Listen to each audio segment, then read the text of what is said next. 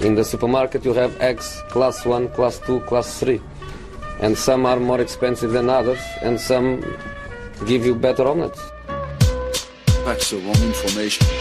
Wrong, wrong, wrong information. I didn't say that. That's the wrong information. Do you think I'm an idiot? Wrong, wrong, wrong information. Now look at me when I talk to you. Your job is to tell the truth. That's the wrong information.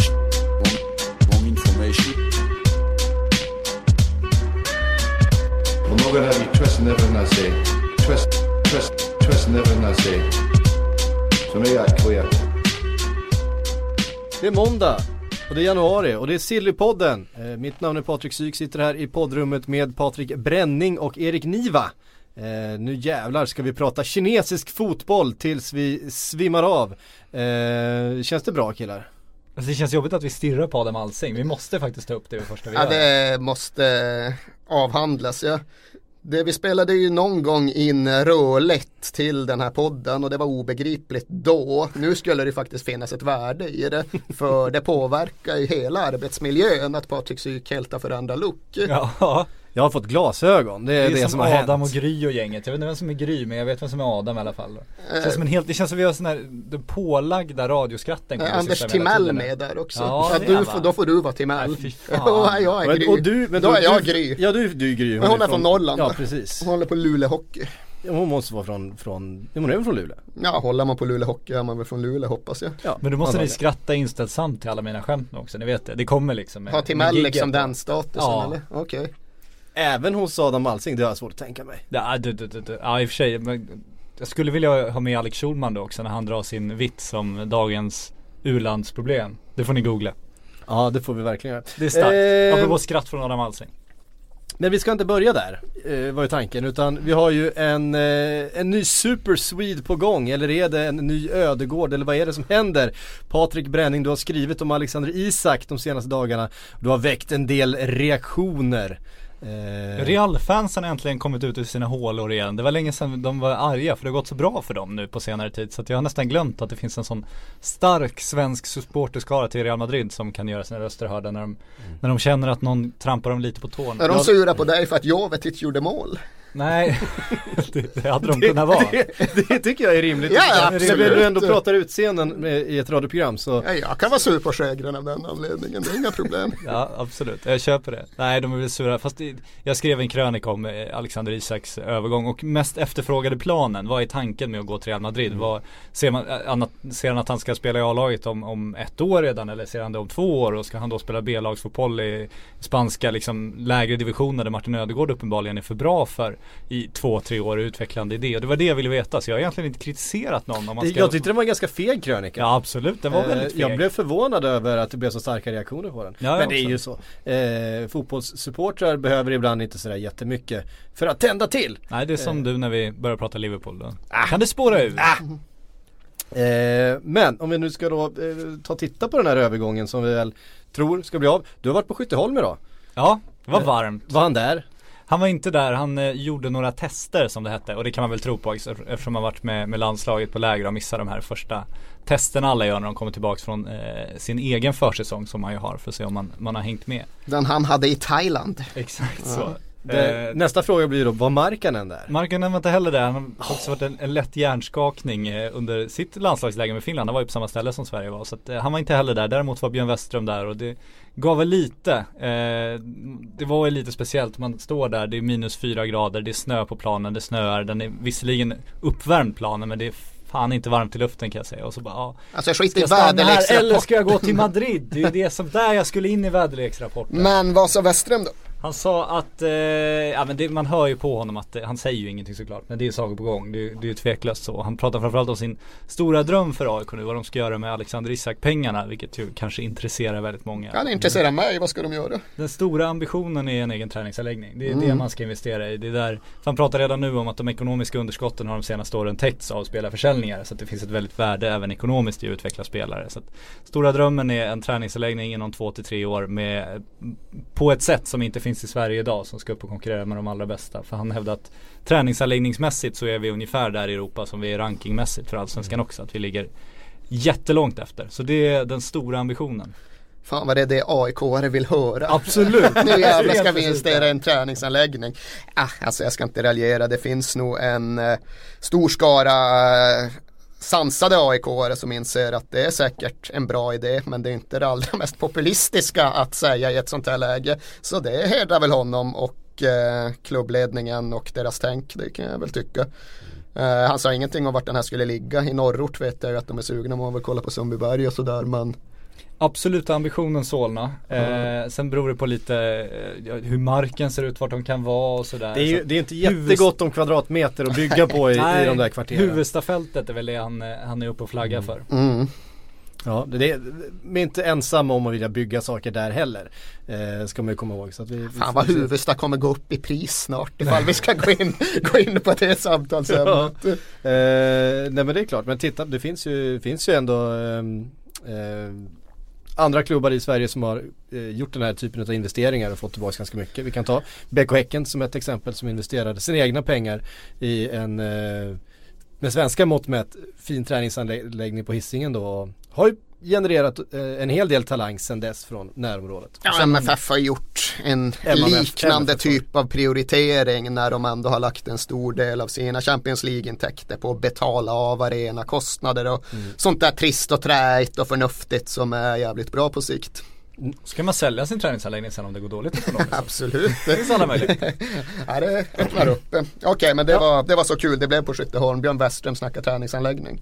Ja, och sin ambition och sin, ja men jag tycker ändå att det var intressant. Ja, det väldigt, håller med. väldigt bra utläggningar om eh, sin egen roll och sitt Jag eget tycker alltid det är sig trevligt att lyssna på Björn. Ja men han var bra och sen just det här att man måste faktiskt Även i hans, man kan inte satsa allt på, på en säsong som man tycker att de gjorde 2009 och så hade de helt plötsligt ingenting 2010 och så sa han då att Guldet blir väldigt mycket värt för spelarna och tränarna som går vidare För de är ju guldet värt hur mycket som helst men för klubben som står kvar Så är guldet helt plötsligt inte värt någonting alls om du inte har liksom Om du verkligen byggt för den enskilda säsongen så, Ja, nej, 2009 var väl en sak också men både AIK och HIF, eller kanske inte HIF, både AIK och svensk fotboll förutom HIF lärde väl sig en hel del av Champions League-vänderna runt millennieskiftet eh, och just hur snabbt en stor pengasäck kan försvinna ifall man inte har en väldigt tydlig plan för vart den ska bli av.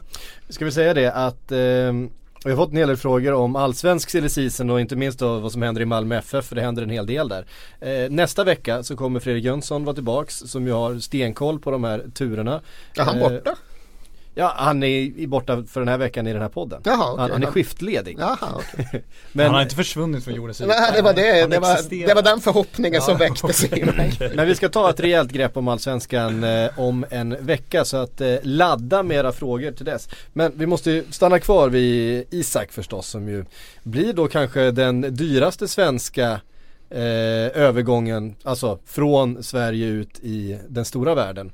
Eh, och Real Madrid är väl det vi eh, är rätt övertygade om att det blir Patrik. Ja det är väl det allting talar för och det, det är väl en illa dold hemlighet nu att det förmodligen kommer bli så om det inte händer någonting alldeles extremt uppseendeväckande. Då har det väl väckt den här debatten om vad som är bäst och gå till en storklubb som bevisligen har Europas kanske bästa akademi eftersom de är den klubb som producerat flest A-lagsspelare till de fem största ligorna just nu. Mot Är, är, är, är de Madrid enligt den här Ja. CES eh, Observatory som räknar ut i höstas i alla fall. Ja, och där kan man ju för sig komma med invändningen att det borde de ju vara, eller de borde i alla fall ju- ligga väldigt nära där inpå för de har ju ganska goda förutsättningar att plocka vilka 15-åringar de vill. Det är är lite det. svårare för Partizan Belgrad att hävda sig i ett sånt sammanhang. Så den... eh, Som också producerar den. Ja, de producerar skitmycket och brukar också ligga högt upp i den där typen av rankingar. Eh, så just den uppgiften tycker jag väl inte man behöver pumpa upp sådär alldeles eh, överdrivet mycket. Hur ser du på det här?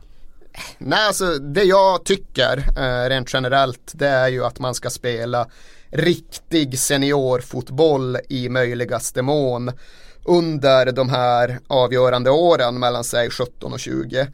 Och jag räknar ju inte Real Madrid Castilla som riktig seniorfotboll. Det är liksom spansk division 3 fotboll inför 2 500 åskådare. Gropiga planer. Ja, det är det säkerligen också. största problem med det där. Ja, han hade i och för sig rätt många problem i alla Absolut. fall i början. Eh, och där är ju frågan hur den värvningen egentligen var förankrad i hela klubbhierarkin och så vidare och så vidare. Men eh, Alexander Isak är ju sannerligen ingen tanklös yngling. Eh, han och de runt omkring honom har ju med all säkerhet haft vett, att eh, få en väldigt tydlig plan presenterad för sig. Och jag utgår ifrån att tanken är att Alexander Isak ska spela riktig seniorfotboll under de här åren. Det är möjligt att han gör ett halvår i AIK, att han säger ett halvår i Castillan av någon form av akklimatiseringsskäl. Men sen är det ju dags att lira. Och så har det ju också sett ut vad gäller Real Madrid de senare åren. Då de ändå har byggt en väg mellan akademin och A-laget.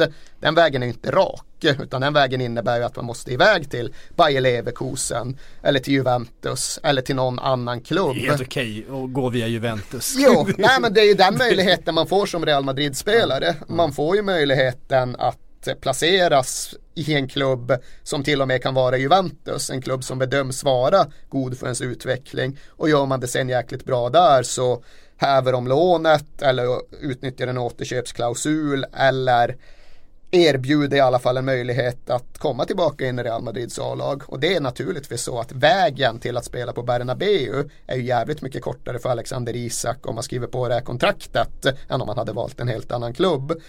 Så jag tror väl att det har alla förutsättningar att bli bra. Det är ju åren 2018, 2019, 2020 som kommer definiera exakt vart Alexander Isaks karriär tar vägen. Och han kommer ju inte spela de åren på Bernabeu. Frågan är vart han spelar dem och hur bra det sedan går. Eh, men här och nu ser jag ju ingen anledning att underkänna hela övergången. Det gör jag verkligen inte. Men det är inte bättre att gå till den där klubben som han sen ska lånas ut till? För man vet ju lån av unga spelare. Presterar du inte på en månad då tröttnar ju de. För att de har ingen poäng i att liksom fostra dig och ge dig en massa tålamod egentligen. Utan håller du inte skickar de hem dig efter ett halvår. De får inga pengar för att göra en fo bra fotbollsspelare av dig.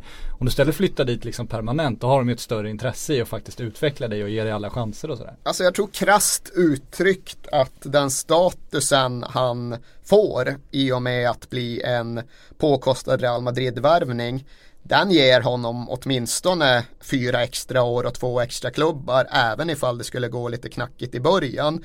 Det är ju inte så att eh, han har en möjlighet och sen är det slut utan kommer man eh, som en ödegård eller som en eh, Morata eller eh, vad tusan som helst. Eh, så nog kommer det finnas klubbar som är villiga att eh, investera förtroende i dig även eh, ifall det har gått tungt några säsonger.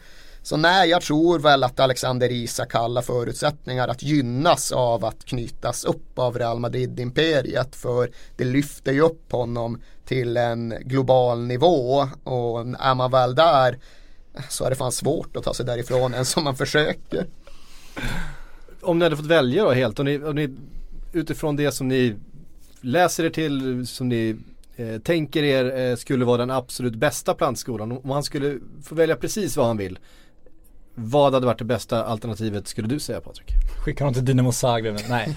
Nej men jag tycker definitivt att han ska stanna i AIK ett år till. Jag tycker inte att han har dominerat allsvenskan än och det är väl också en klassisk eh, klyscha. Men jag tycker faktiskt att man ska göra det också. Den här Ljungberg-grejen, du ska verkligen vara för bra för allsvenskan innan du lämnar allsvenskan. Där tycker jag det finns en poäng och sen Sen beror det ju på det, alltså om man kan få AIK hade ju aldrig vågat behålla honom ett år till. Nej men alltså om de kan lösa försäljningen nu, det är det jag menar. Ja. Sen återlåna Men så blir det väl. Ja, förmodligen. Minst ett halvår. Mm. Så det är ju bra så långt. Sen måste han ju som Erik säger, det måste ju komma en mellanklubb. Han kommer inte spela Real nu. Han kommer inte spela Real om ett år heller. Alltså vad säger att han ska göra bättre än vad Karim Benzema, Morata och dessutom alla andra världsanfallare i Real Madrid har chansen att köpa om Aubameyang kommer ju spela där Precis. hyfsat Ja. snart. Ja. Det, det vågar jag nästan utgå ifrån. Och är han bättre än dem om ett år? Det, det finns ju ingenting som talar för Nej, det. och det tror jag inte Real Madrid räknar med heller. Det tror jag inte är tanken. Men då blir det ju lånet, då blir det ju Ja. ett, ett och ett halvt år Ödegård någonstans liksom. Men då gäller det att det är en bra, alltså då vill jag ju inte se honom i Holland om jag säger så. Ja, men jag tror ändå det är bättre ifall man ska fortsätta på den frågan du ställde tidigare. Om man ändå ska spela för Heerenveen så tror jag att det är bättre att spela för Heerenveen som Real Madrid-spelare än att spela för Heerenveen som Heerenveen-spelare. Jag tror inte att chanserna blir färre ifall man inte tillhör Heerenveen. Tvärtom, jag tror just att statusen gör att man får eh, ett större manöverutrymme. Ja, jag är inte lika säker, det är jag inte. eh, vi får se vad som händer. Det är väldigt spännande i alla fall och jag menar svensk fotboll behövde Ja herrejävlar. Ja det är En- bra. Men jag tycker också en intressant aspekt som man inte riktigt pratar om. Det är just det där vilk, vilken valmöjlighet har han att välja egentligen? För AIK får, om de får 95 miljoner av Real Madrid nu. Skulle han göra ett förnuftigare klubbval och välja en mittenklubb. Då skulle ju AIK liksom max få hälften av det om ens det liksom. Så att den pressen är ju också såklart påtaglig och den måste ju ha spelat in i hans val också. Du sitter ju ändå här med värderande formuleringar om han skulle ha gjort ett förnuftigare Ja, val. Det här är alltså ett dumt Jag val hade han mina har gjort. citationstecken här som, som du såg men som du tyckte att, att du ändå kunde räkna bort. Ja, då såg jag faktiskt inte. Nej, okej. Ett Du måste bara ha förnuftigare gjort val. det med höger hand bakom ditt Ja det gjorde ord. jag faktiskt. bakom mikrofonen. Ehm, ja, vi, eh, ja, vi kommer prata om det här framöver också. Det lär vi Var göra. så säkra.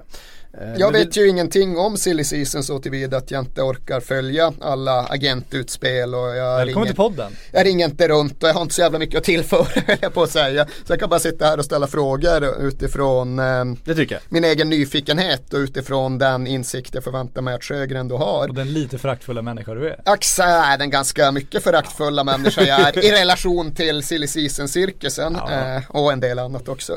Det här, med Eh. att, det här med att han fortfarande kallar dig för Sjögren hela tiden. Ja, jag ska inte släppt in en bitter äldre herre i studion idag till, som liksom vi ska ha med oss här idag. Vi gick ju igenom det tidigare, St. James' Park är St. James' Park, Sjögren är Sjögren. Det kvittar om han säljer namnet, det kommer ändå aldrig sätta sig i folkmun.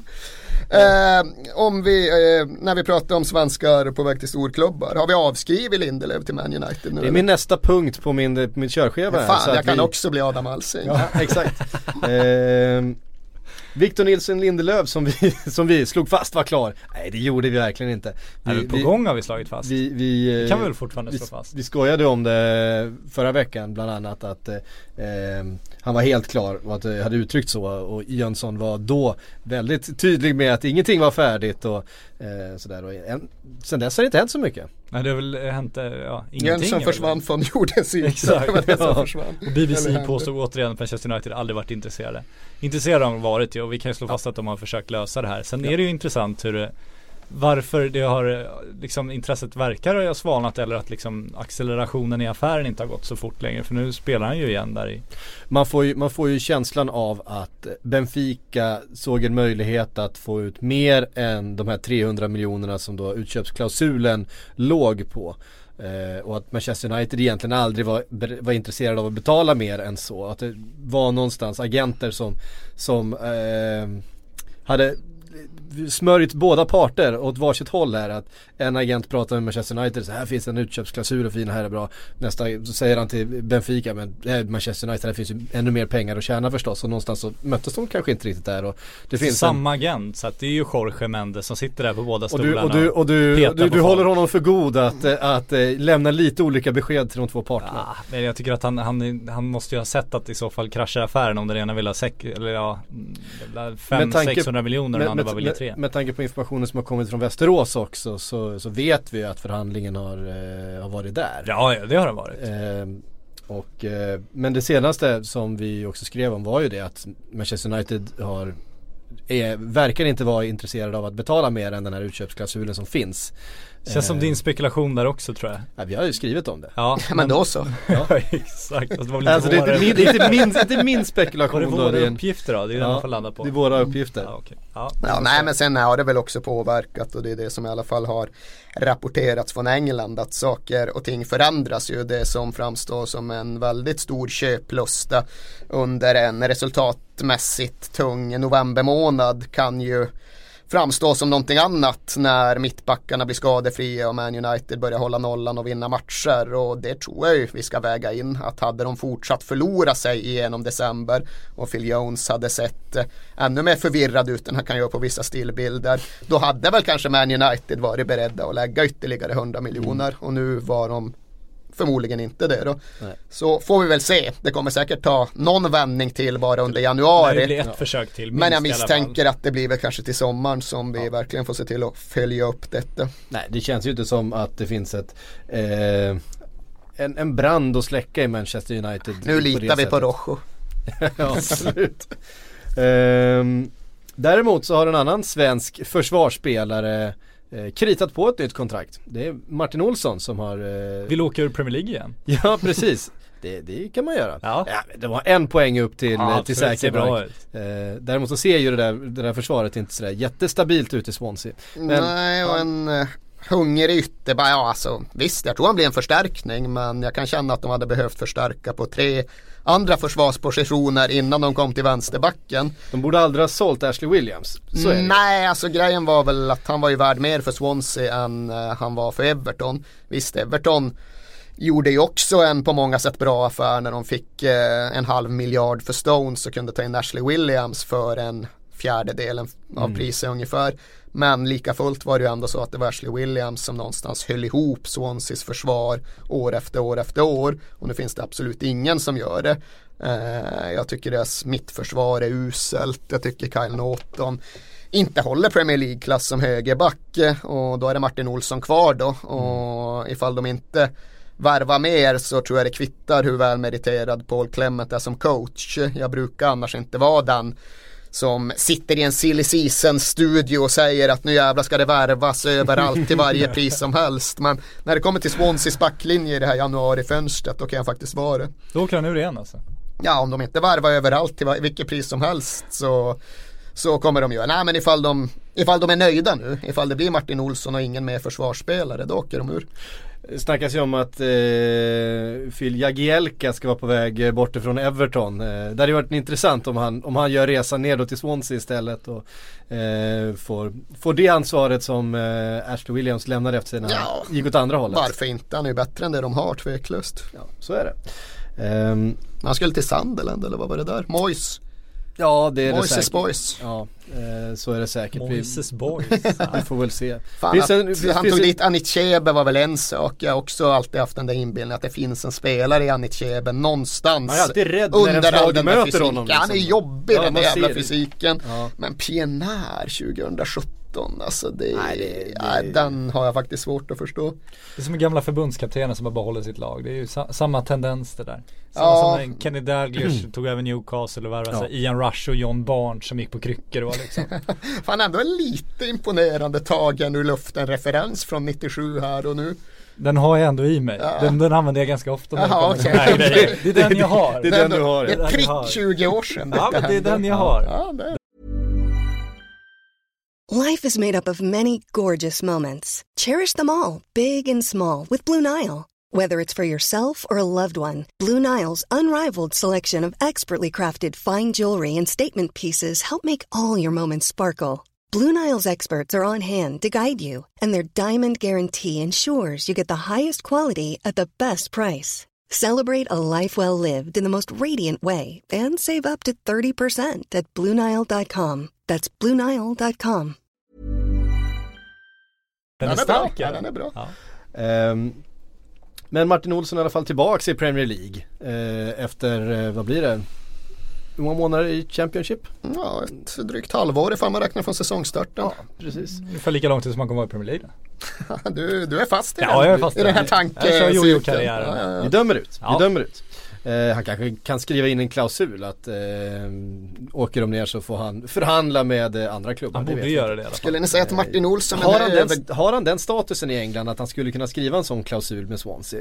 Det kan väl nästan alla göra om det, alltså inte förhandla med vilket pris som helst men till en fast summa bör du ändå kunna göra i en sån här övergång. Det är så, så prekärt läge och så desperat behov av förstärkningar som de Men är. det har nog- Swansea till varje pris lär ha försökt med är ju att skriva in även en lönesänkningsklausul vid nedflyttning och det har jag ingen aning om ifall de har varit i position att få igenom. Men man är ju jävligt det är ju en fälla som många desperat klubb har fallit i genom åren. Just eh, skriver väldigt dyra kontrakt eh, i januari och sen åker man ur ändå och sen sitter man fast i de där dyra kontrakten som man skrev för att man Newcastle, kan vi ta som exempel Ja, igen? Ian Rush och John Barnes. Exakt. Ja, John Joe Shelby.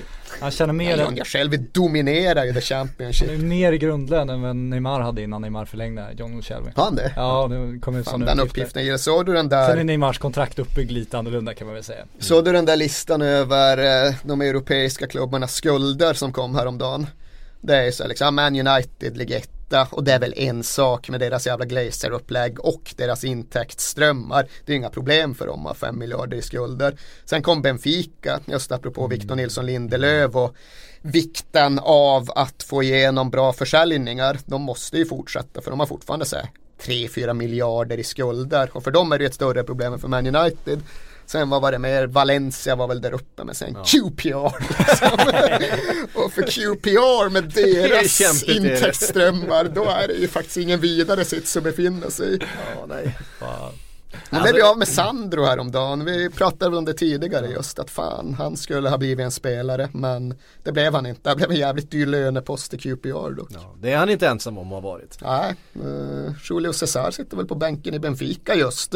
Skuldbyta klubbar, uh, skuldtyngda klubbar byter med varandra. Undrar vad, undrar vad som pröjsar vilken del av hans lön nu för tiden. Känns inte som Loftus Road är någon eh, extrem kassako heller. I... Nej, men det hade fan kunnat bli det på det där sättet som alla Londonklubbar kan skapa sig jättelika intäkter. Man går ju till Loftus Road från Hyde Park utan problem. Så ifall de hade haft West Hams 60 000 platser och lägga i Premier League då kan ju de också dra in 20 000 turister per hemmamatch och få snurr på det på det sättet.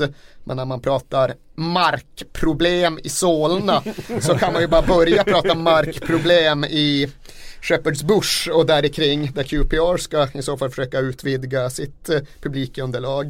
Det är en fantastisk arena men det är en jävligt liten arena Ja, som dessutom är hopklämd eftersom att det inte finns någon mark. Där hur många tar, går det in?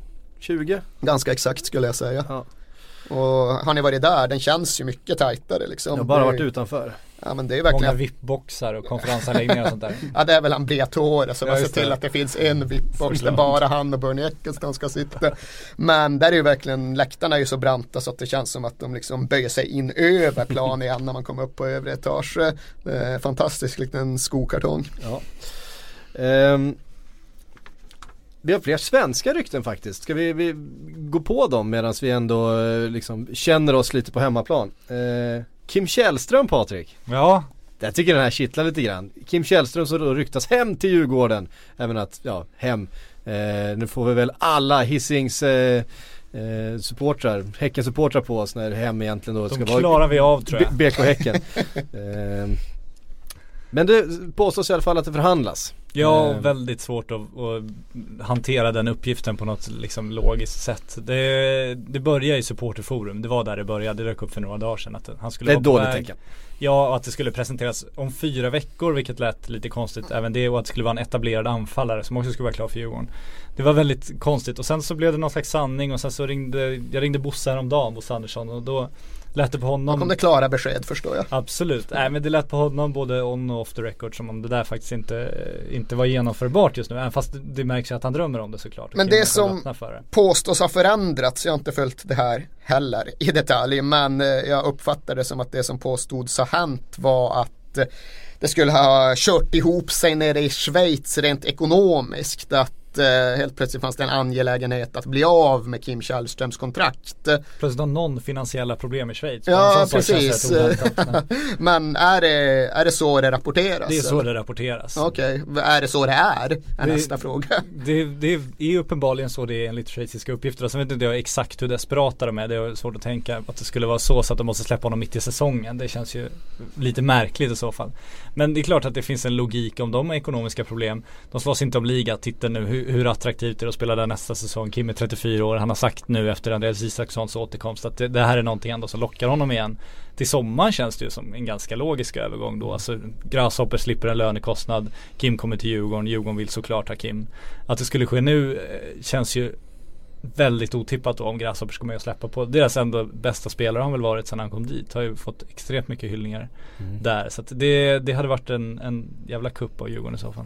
Man gillar, ja, man, man gillar det här med, med bästa kompisen går till en, till en klubb och då vill man hänga på. Även när det är på den här nivån. Vi har ju Jack Wilshere i, i Bournemouth till exempel som ett exempel. Ja med Eh. Afobé som jag har noterat att han heter nu för tiden. Han har lagt till en apostrof ovanför tröjan. Så då får man väl referera Ja. till Afobé snarare får- än den afobe man alltid har pratat om. Sen undrar man ju om Kim, precis som Andreas Isaksson då, ska flytta till Norberg liksom. Ja där han bor i. Västerås någonstans. Norberg bor han i.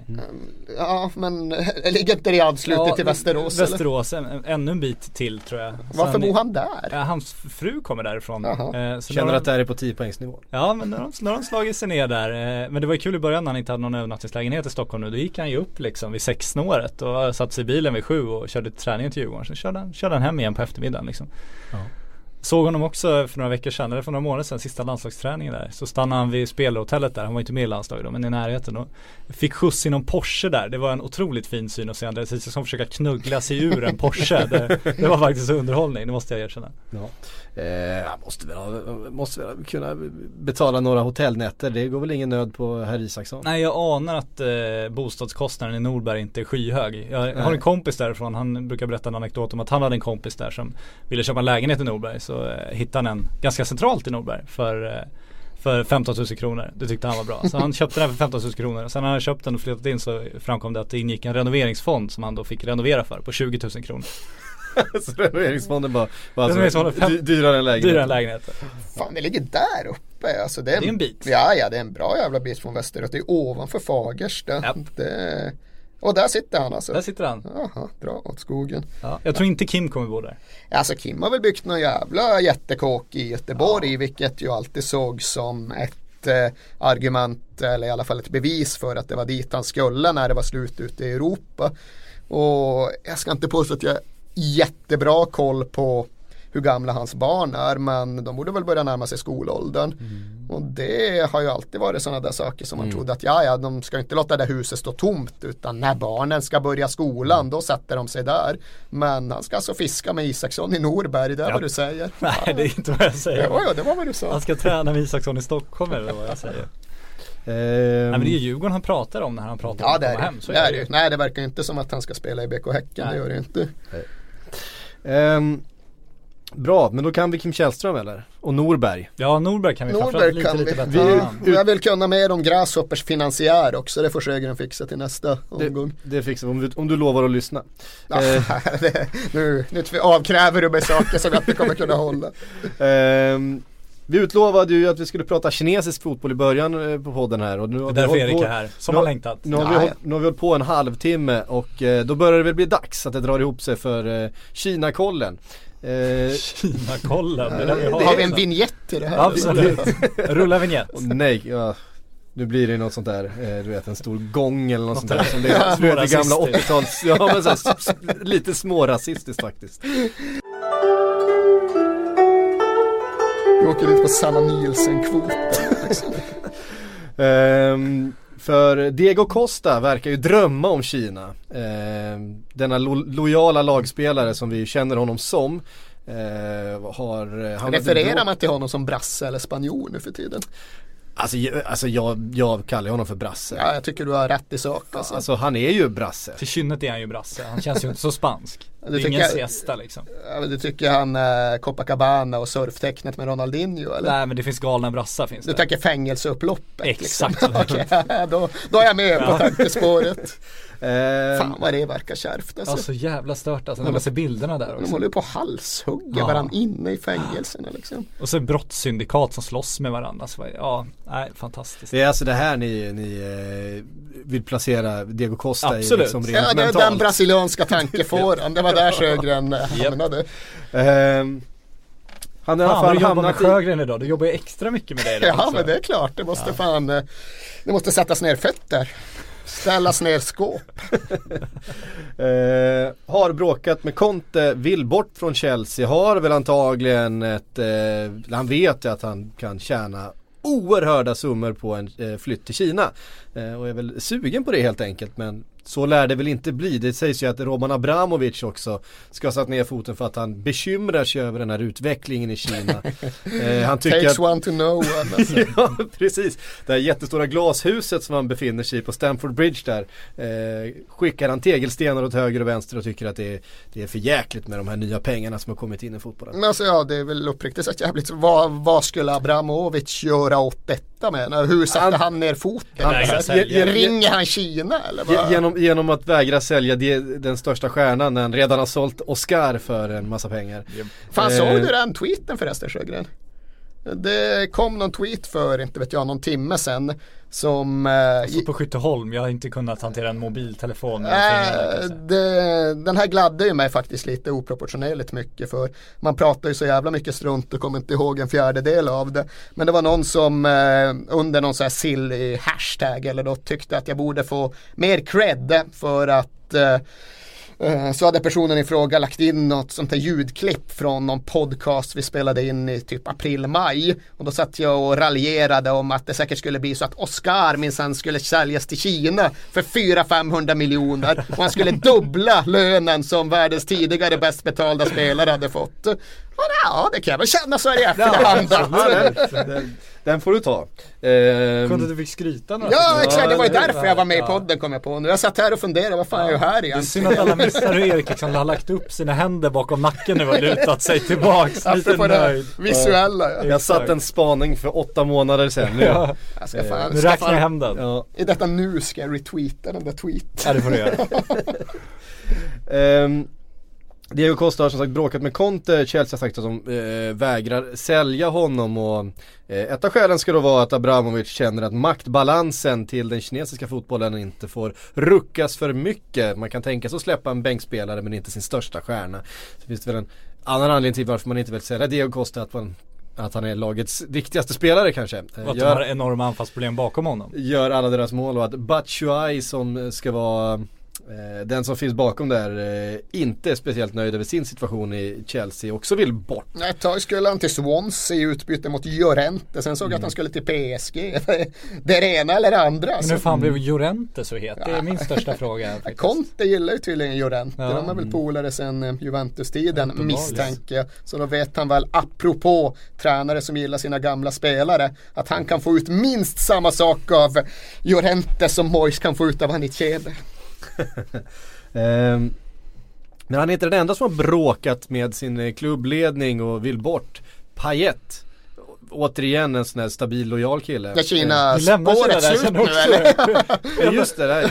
Kina-kollen är Jag härmed som- Jag avslutad. som för en halvtimme men här var det över. Eh, jag springer i förväg i mitt körschema. Eh, Jag gillar Det som- Kina, det- det lag. det, som vi, det som vi skulle in på med Kina var ju att eh, mitt i all den här hysterin eh, Eh, och alla pengar eh, och, och världsrekordslöner så har nu den eh, kinesiska staten bestämt sig för att nu får det någonstans räcka. Tydligen. Ehm, och har då bestämt att i ligan får nu bara tre utländska spelare spelas i varje klubb.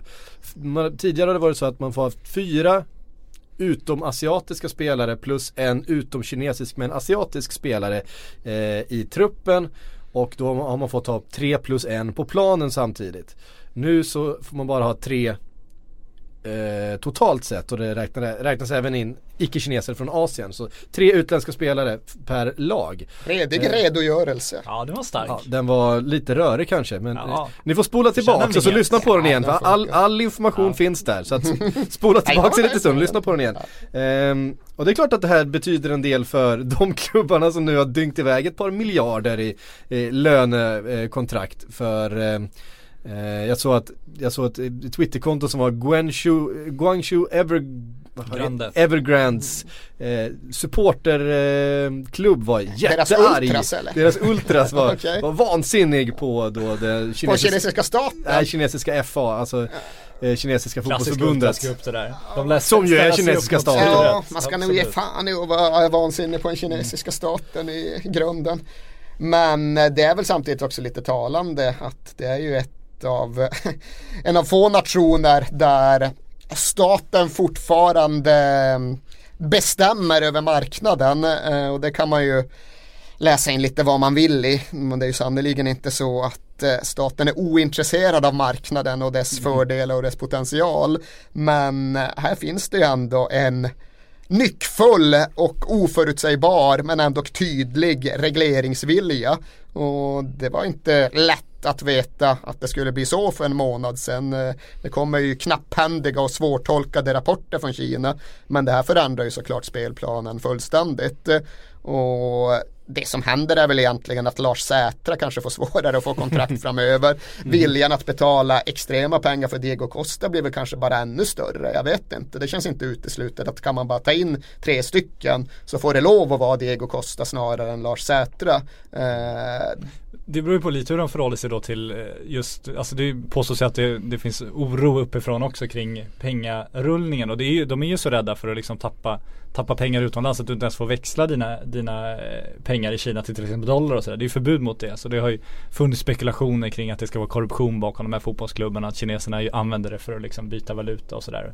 Det är väl svårt att bevisa det men det är klart att det sticker i ögonen då om det rullar ut miljarder till liksom eh, andra länder på fotbollsspelare då helt plötsligt. Ja, nej det är som sagt Kina är ju svåranalyserad. Det är inte så mycket eh, tabloid finstiltheter som man kan sitta och tolka utan när det väl kommer en eh, en slägga från Kina så tenderar han att vara ganska stor och ganska dramatisk. Nu jäklar smäller det på riktigt här. Och det här är ju ändå just den typen av genomgripande förändring som får en helt annan typ av betydelse än eh, de eh, liksom de små försök till regeländringar man ibland kan hitta i Europa. Det här är ju det är en större sak än när liksom tredjepartsägandet förbjöds. Det är väl kanske den största transferregleringen som överhuvudtaget har skett i väst på ganska många år. Och det här ser jag ändå som en större reglering än den.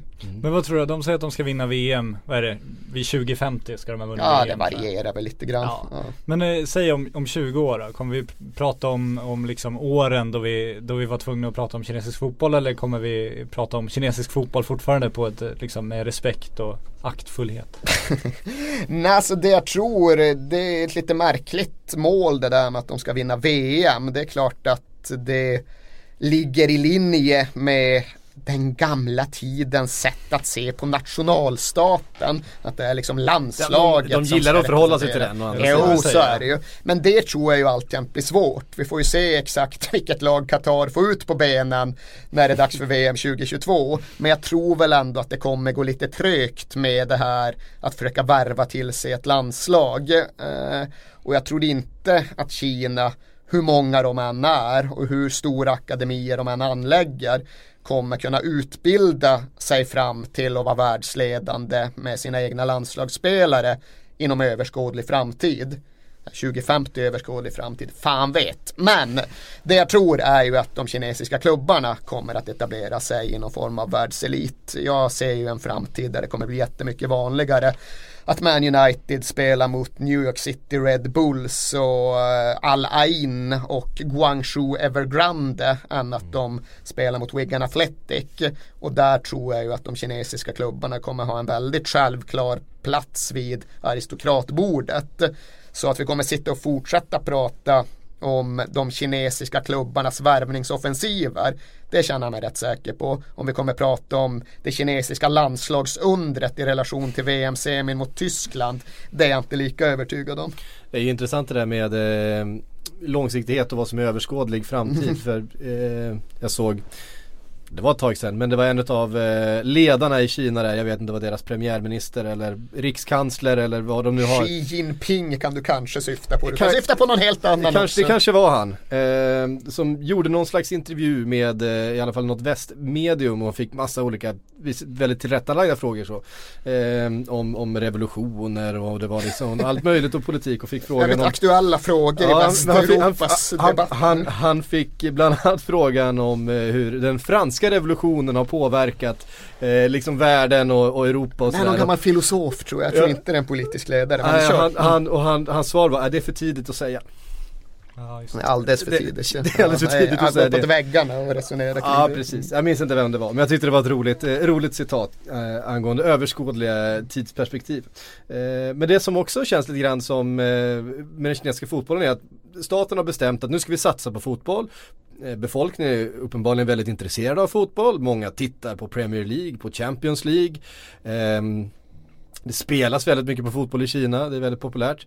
Ehm, och staten säger att vi ska satsa på fotboll pytsar ut asmycket pengar till de som kan fotboll i landet, nämligen klubbarna och säger nu ska vi satsa på fotboll, bygg upp något.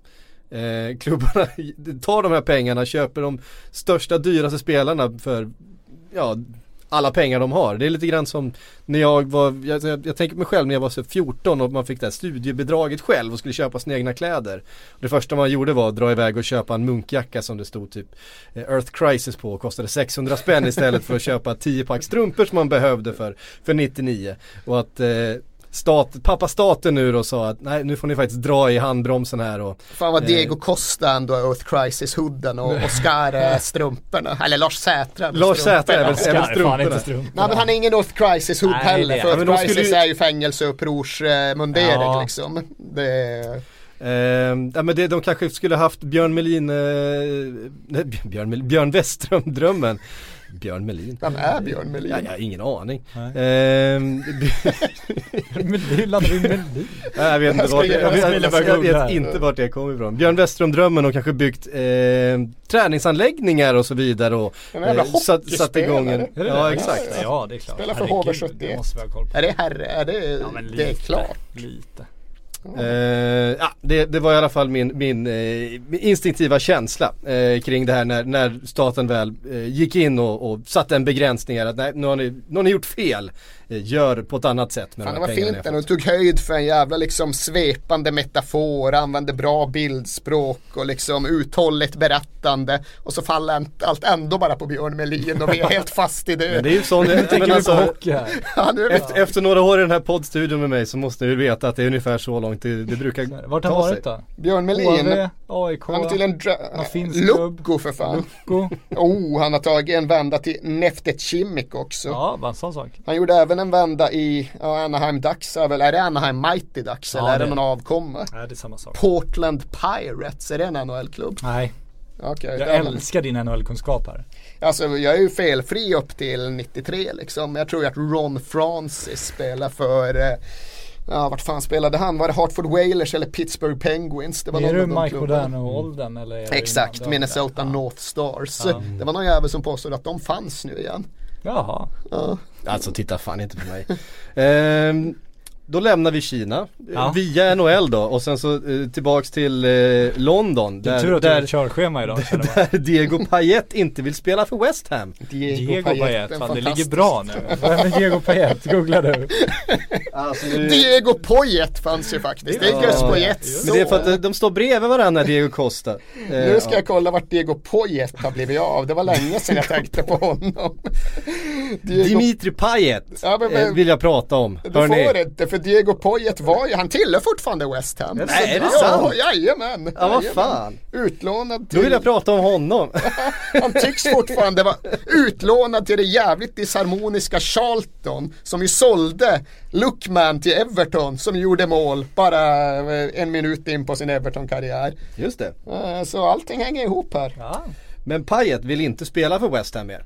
Nej, det vill han verkligen inte göra. Han vill gå till Ja, Marseille. han vill till Marseille. Eh, Och frågan är, kommer det bli så här Patrik? Eh, det, det, man lärt sig av gamla strej, strejker är väl att eh, spelarna oftast vinner. Så att till slut, även fast man får Carlos Tevez vänta lite så eh, kommer, det förmodligen, kommer han förmodligen få sin vilja igenom. Och man kan ju hata honom och sådär för det här men det är ju återigen det här liksom om, om klubbarna inte respekterar kontrakt, varför ska spelarna göra? Han ville ju stanna i Marseille när han gick till West Ham, det var ingen snack om den saken. Men presidenten, de hade ekonomiska problem, presidenten sa du får gå och han eh, fick gå. Och nu vill han inte stanna i West Ham och han går till president och säger du, nu vill jag gå. Men han fick inte gå. Så det är svårt det där nu när Marseille fått en ny ägare och nya pengar. Han vill hem.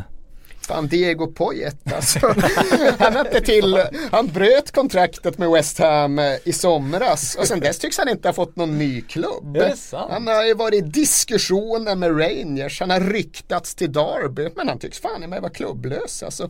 Det är tufft att vara Poyet och Payet runt eh, West eller Hams nya arena. Han är för dålig på att mejla bara, det är allt det Ja, det handlar är om. så det. Men, Det är eh, aldrig tufft att ligga bredvid Diego Costa i körschemat men också. läsa Payet, alltså den är ju trixig just i och med att att eh, ska West Ham sälja till Marseille, tvingas de sälja till Marseille så får de ju en lägre övergångssumma än om de hade kunnat sälja till en Champions League-klubb apropå Lex där, kan Absolut. Alexander Isak välja? Kan eh, Dimitri Payet välja? Jag höll på också att säga Diego. eh, och det kan man väl också ta in i den här ekvationen. Det är ju alltid ryggmärgsreaktionen när någon spelare börjar strejka så här, ja den giriga jäveln, nu ska han ha mer pengar. Men det som har kommunicerats är ju inte att Payet ska till Kina eller ens till Chelsea. Det är att han bara vill till Marseille och att hans familj redan ska flytta dit och så vidare. Och jag tycker ju verkligen att han borde kunna hantera den här situationen och sin status i West Ham på ett helt annat sätt. Men det är ju faktiskt inte pengarna han verkar vara ute efter. Det är en flytt. Det är en jävligt otajmad flytt som han sköter på ett osnyggt sätt. Men han kommer ju behöva gå ner i- markant i lön för att kunna spela för Marseille. Hur mycket ny ägare de än har så har de ingen möjlighet att betala Premier League-löner ens för Dimitri Payet.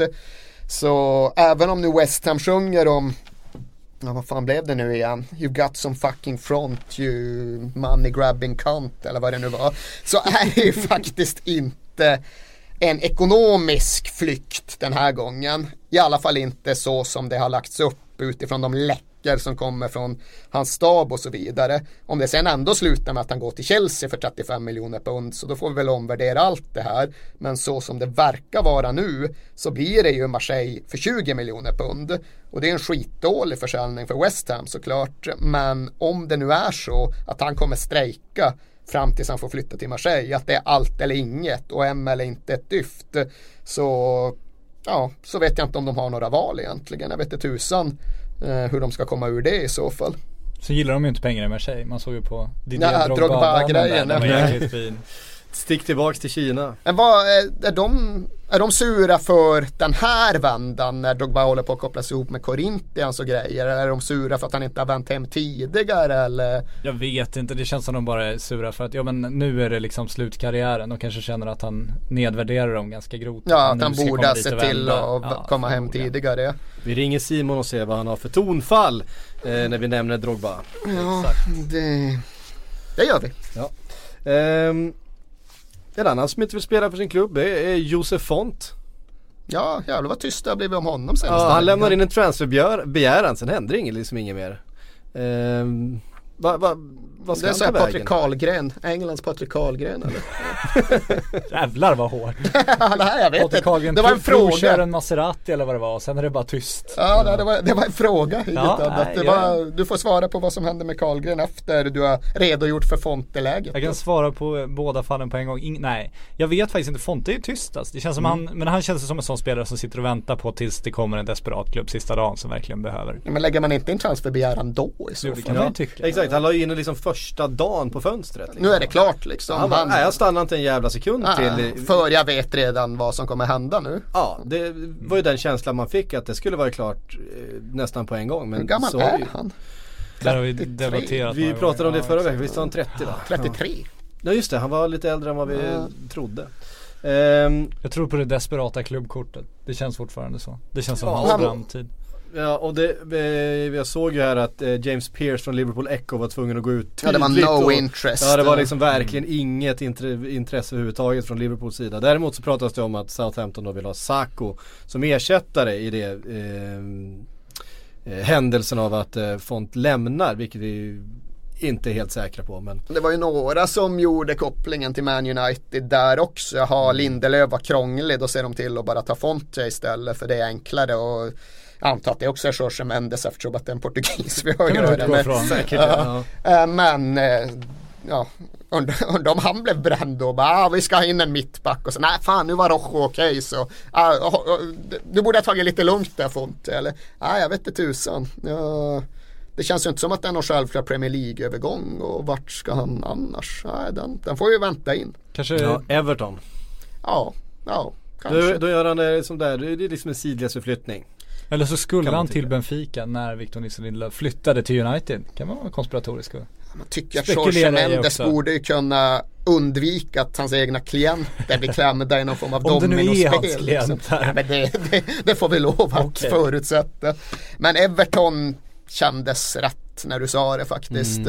Eh, Det, verkar ju på intet sätt orimligt. Det pratas ju om att Jagielka då ska ner till Ja, Swansea och de det kanske kan finnas en lösa det. karusell där Ja liksom. exakt, det är de dominobrickorna snarare. Ja, jag tror på det fram tills motsatsen är bevisad precis som jag tror på Jorge Mendes Han har- tills han har- Sjögren har googlat klart. Han och Diego Costa hade dinner with super agent Jorge Mendes den 18 november 2016 i alla Fan den dinnern alltså. Ja.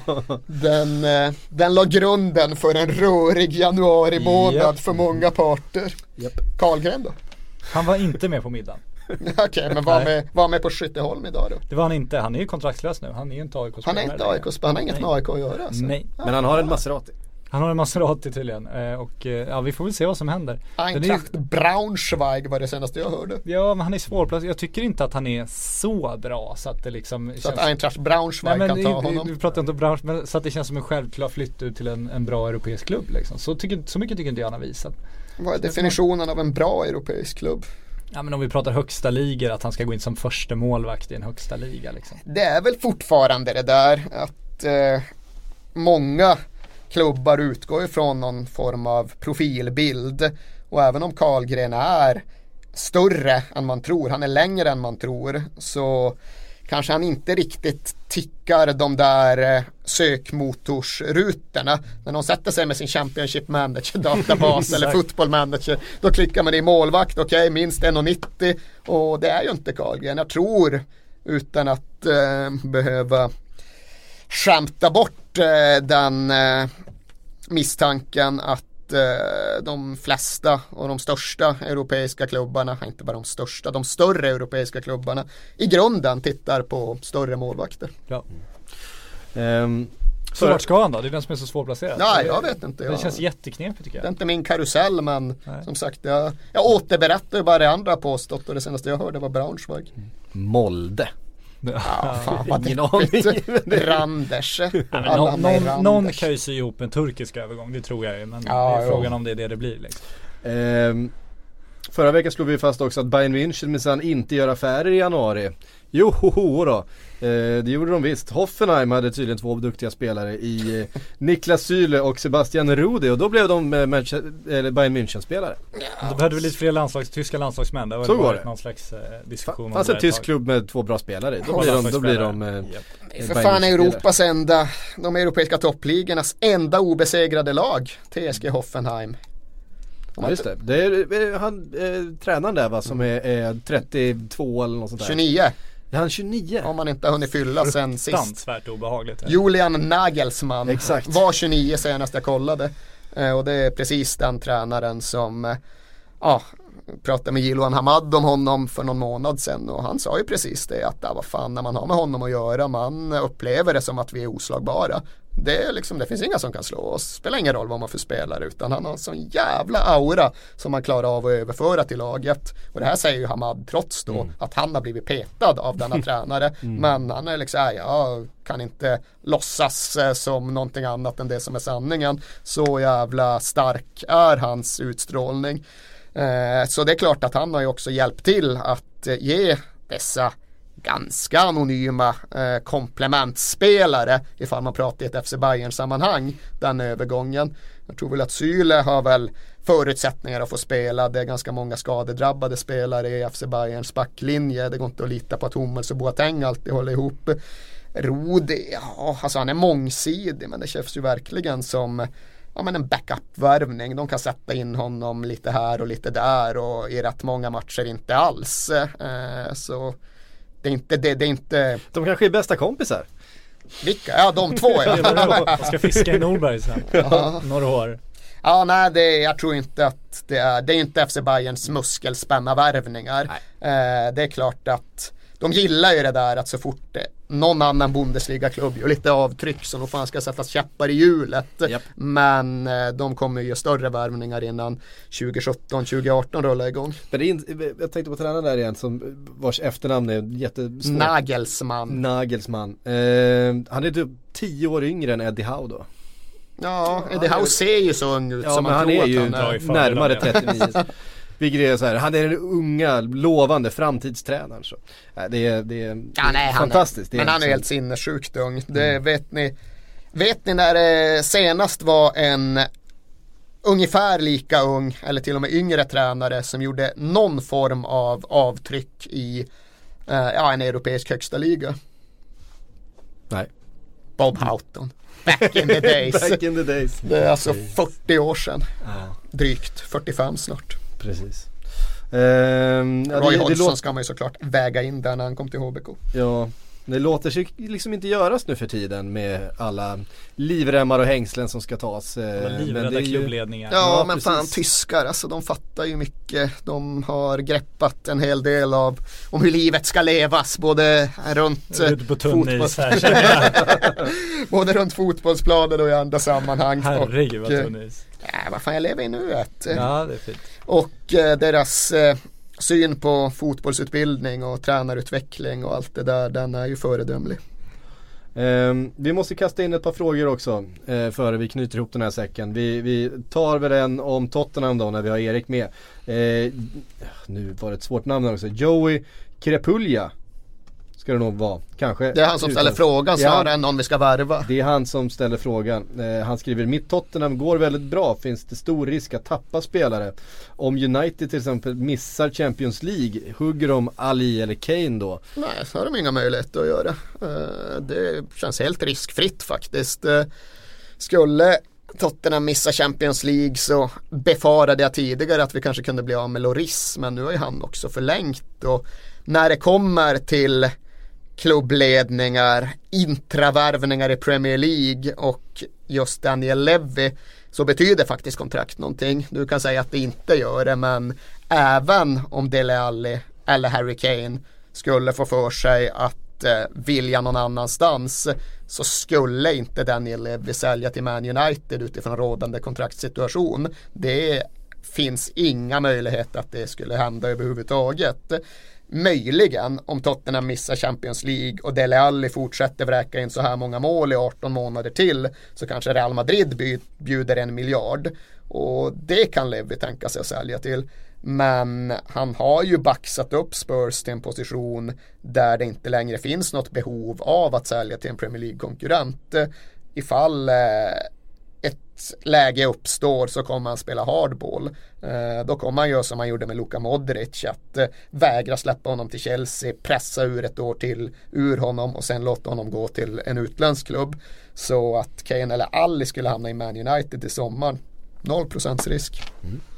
Ehm, Johan Lidbeck skriver, eh, nej Libeck till och med. Eh, vad, händer, vad händer med Sturridge? Är han nöjd med att få nöta bänk slash agera inhoppare? Såg skitnöjd ut på bilderna igår. men det gör han ju för sig alltid. Han ser ju sur ut när han har gjort mål till och med. Ja, så. ja exakt. Det, det var en annan podcast. Han ser sur jag ut till och med när han var ler. Det är faktiskt en ja, men han prestation. ser ju alltså. sur ut liksom. Det, men det var någon som sa, det vart ju liksom skriverier för några veckor sedan om att han hade sett så väldigt sur ut på bänken och så var det någon eh, i, i en annan podd som sa att ja men så jag, jag tänkte jag skulle googla Daniel Sturridge och se hur lång tid det tar innan jag hittar en bild och han inte ser sur ut. Det var så här, du vet, den 38 bilden på så här bildgoogling så såg han inte sur ut. Så det är liksom så han ser ut. Men jag, jag tror att han är rätt sur. Jag tror inte alls han är nöjd. Jag tror att han har en, en ganska grandios självbild faktiskt om att vara den största stjärnan i det där laget. Och det är han ju uppenbarligen inte just nu. För det är Jörgen Klopp som är. Eh, med ganska bred marginal. Och Ja. det, eh, Lalana är en betydligt större stjärna än vad Sturridge är. han är en viktigare spelare i alla fall. Jag älskar uttalet på Lalana. Är det så? Lagerbäck-uttalet. Ja, verkligen Lagerbäck-uttalet. Lalana. Lalana. Ehm, och eh, så vad händer med Sturridge? Ja, Jag, jag har svårt att se Sturridge stanna i sommar faktiskt. Eh, jag tror inte han går nu i januari. Eh, jag tror inte det finns sånt jätte liksom behov av honom på marknaden att, att eh, eh, det är de här klubbarna som typ West Ham eller så som skulle vara intresserade. Jag tror inte att han själv är sådär jätteintresserad av att göra en januariflytt eh, i det läget som är nu. Han kommer nog få sina chanser men jag tror inte han stannar en säsong till. Nej men jag tror inte, alltså det, det hinns inte göras en övergång i januari ifall det inte blir någon så här jätteuppspeedad domino under fönstrets sista dagar, Andy Carroll Suarez. Nej. För skulle Sturridge, skulle det vara krattat för en flytt, då hade vi hört talas om det nu. Ja. Då hade det redan sipprat ut. Så jag tror inte heller på någon januariflytt. Däremot är det intressant att fundera kring vad som kan hända i sommar. Jag delar uppfattningen om att blir det en Premier League-flytt då blir det typ West Ham ifall det nu finns en sån kategori av klubbar.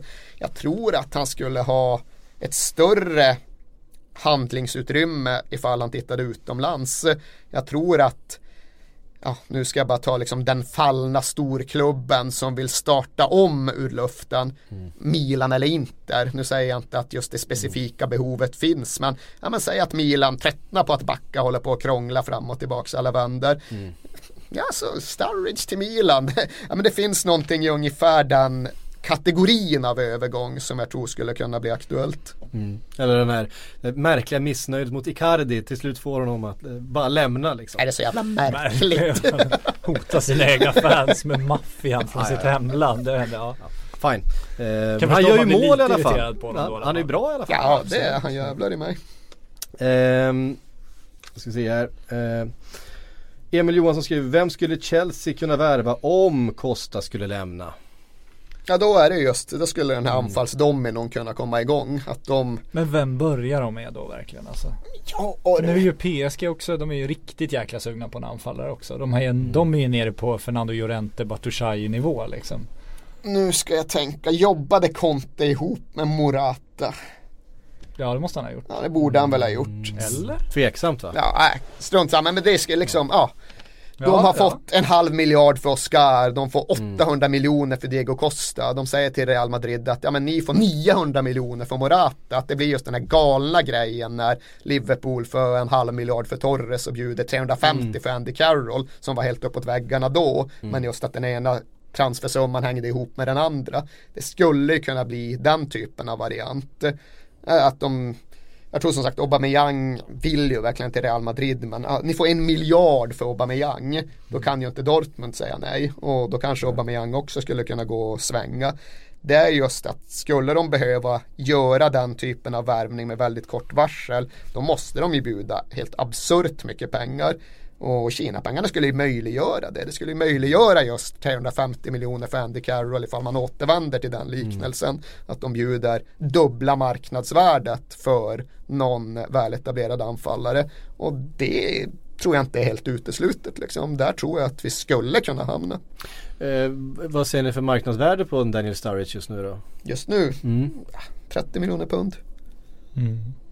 Skulle han, har han den statusen så han skulle kunna gå in i ett av de större lagen i, i England eller? Tänker du tillbaks till Chelsea då? Ja men alltså Finns det, har pratats om Arsenal tidigare att de har jagat en, en eh, forward som är snabbare än Giroud men det, Jo, gör ju mål i varje match och när han inte gör mål gör spelar Alexis och när inte Alexis spelar så sätter Lucas Perez en volley så det är väl uteslutet. Det är väl i så fall just, ja men om nu Chelsea säljer Diego Costa skulle han kunna flytta tillbaks? Skulle Lukaku kunna flytta tillbaks? Det, det är ju också en sån där värvning. Okej, Lukaku de kommer stånga för att försöka få över 400 miljoner för honom när det väl blir svårt att behålla honom. Om Chelsea går in nu och säger 850 miljoner. Ja, nej men sånt skulle ju kunna hända. helt klart. Hörrni, det var allt vi hann den här eh, måndag eftermiddagen. Tiden eh, sprang iväg som den eh, ofta gör. Eh, vi är tillbaks Det var Kina-kollen Det var, Kina-kollen, det var, det var Diego Poyet. Ja. Någonstans där vi pikade också. Fan vad jag ser fram emot din vignett till Kina-kollen. Alltså du kommer inte undan från att göra ännu, det hoppas jag du inser. Vi får se. Den som har tagit sig så här långt, den vet hur det blev. Eh, vi hörs om en vecka igen. Imorgon så är det Premier League-podd. Klippa in ljud från Kung Fu Pand. ja, Så gärna att. Erik gör den här vignetten. Återskapa ljud från Kung Fu Panda. Vi hörs om en vecka igen. Ha det bra.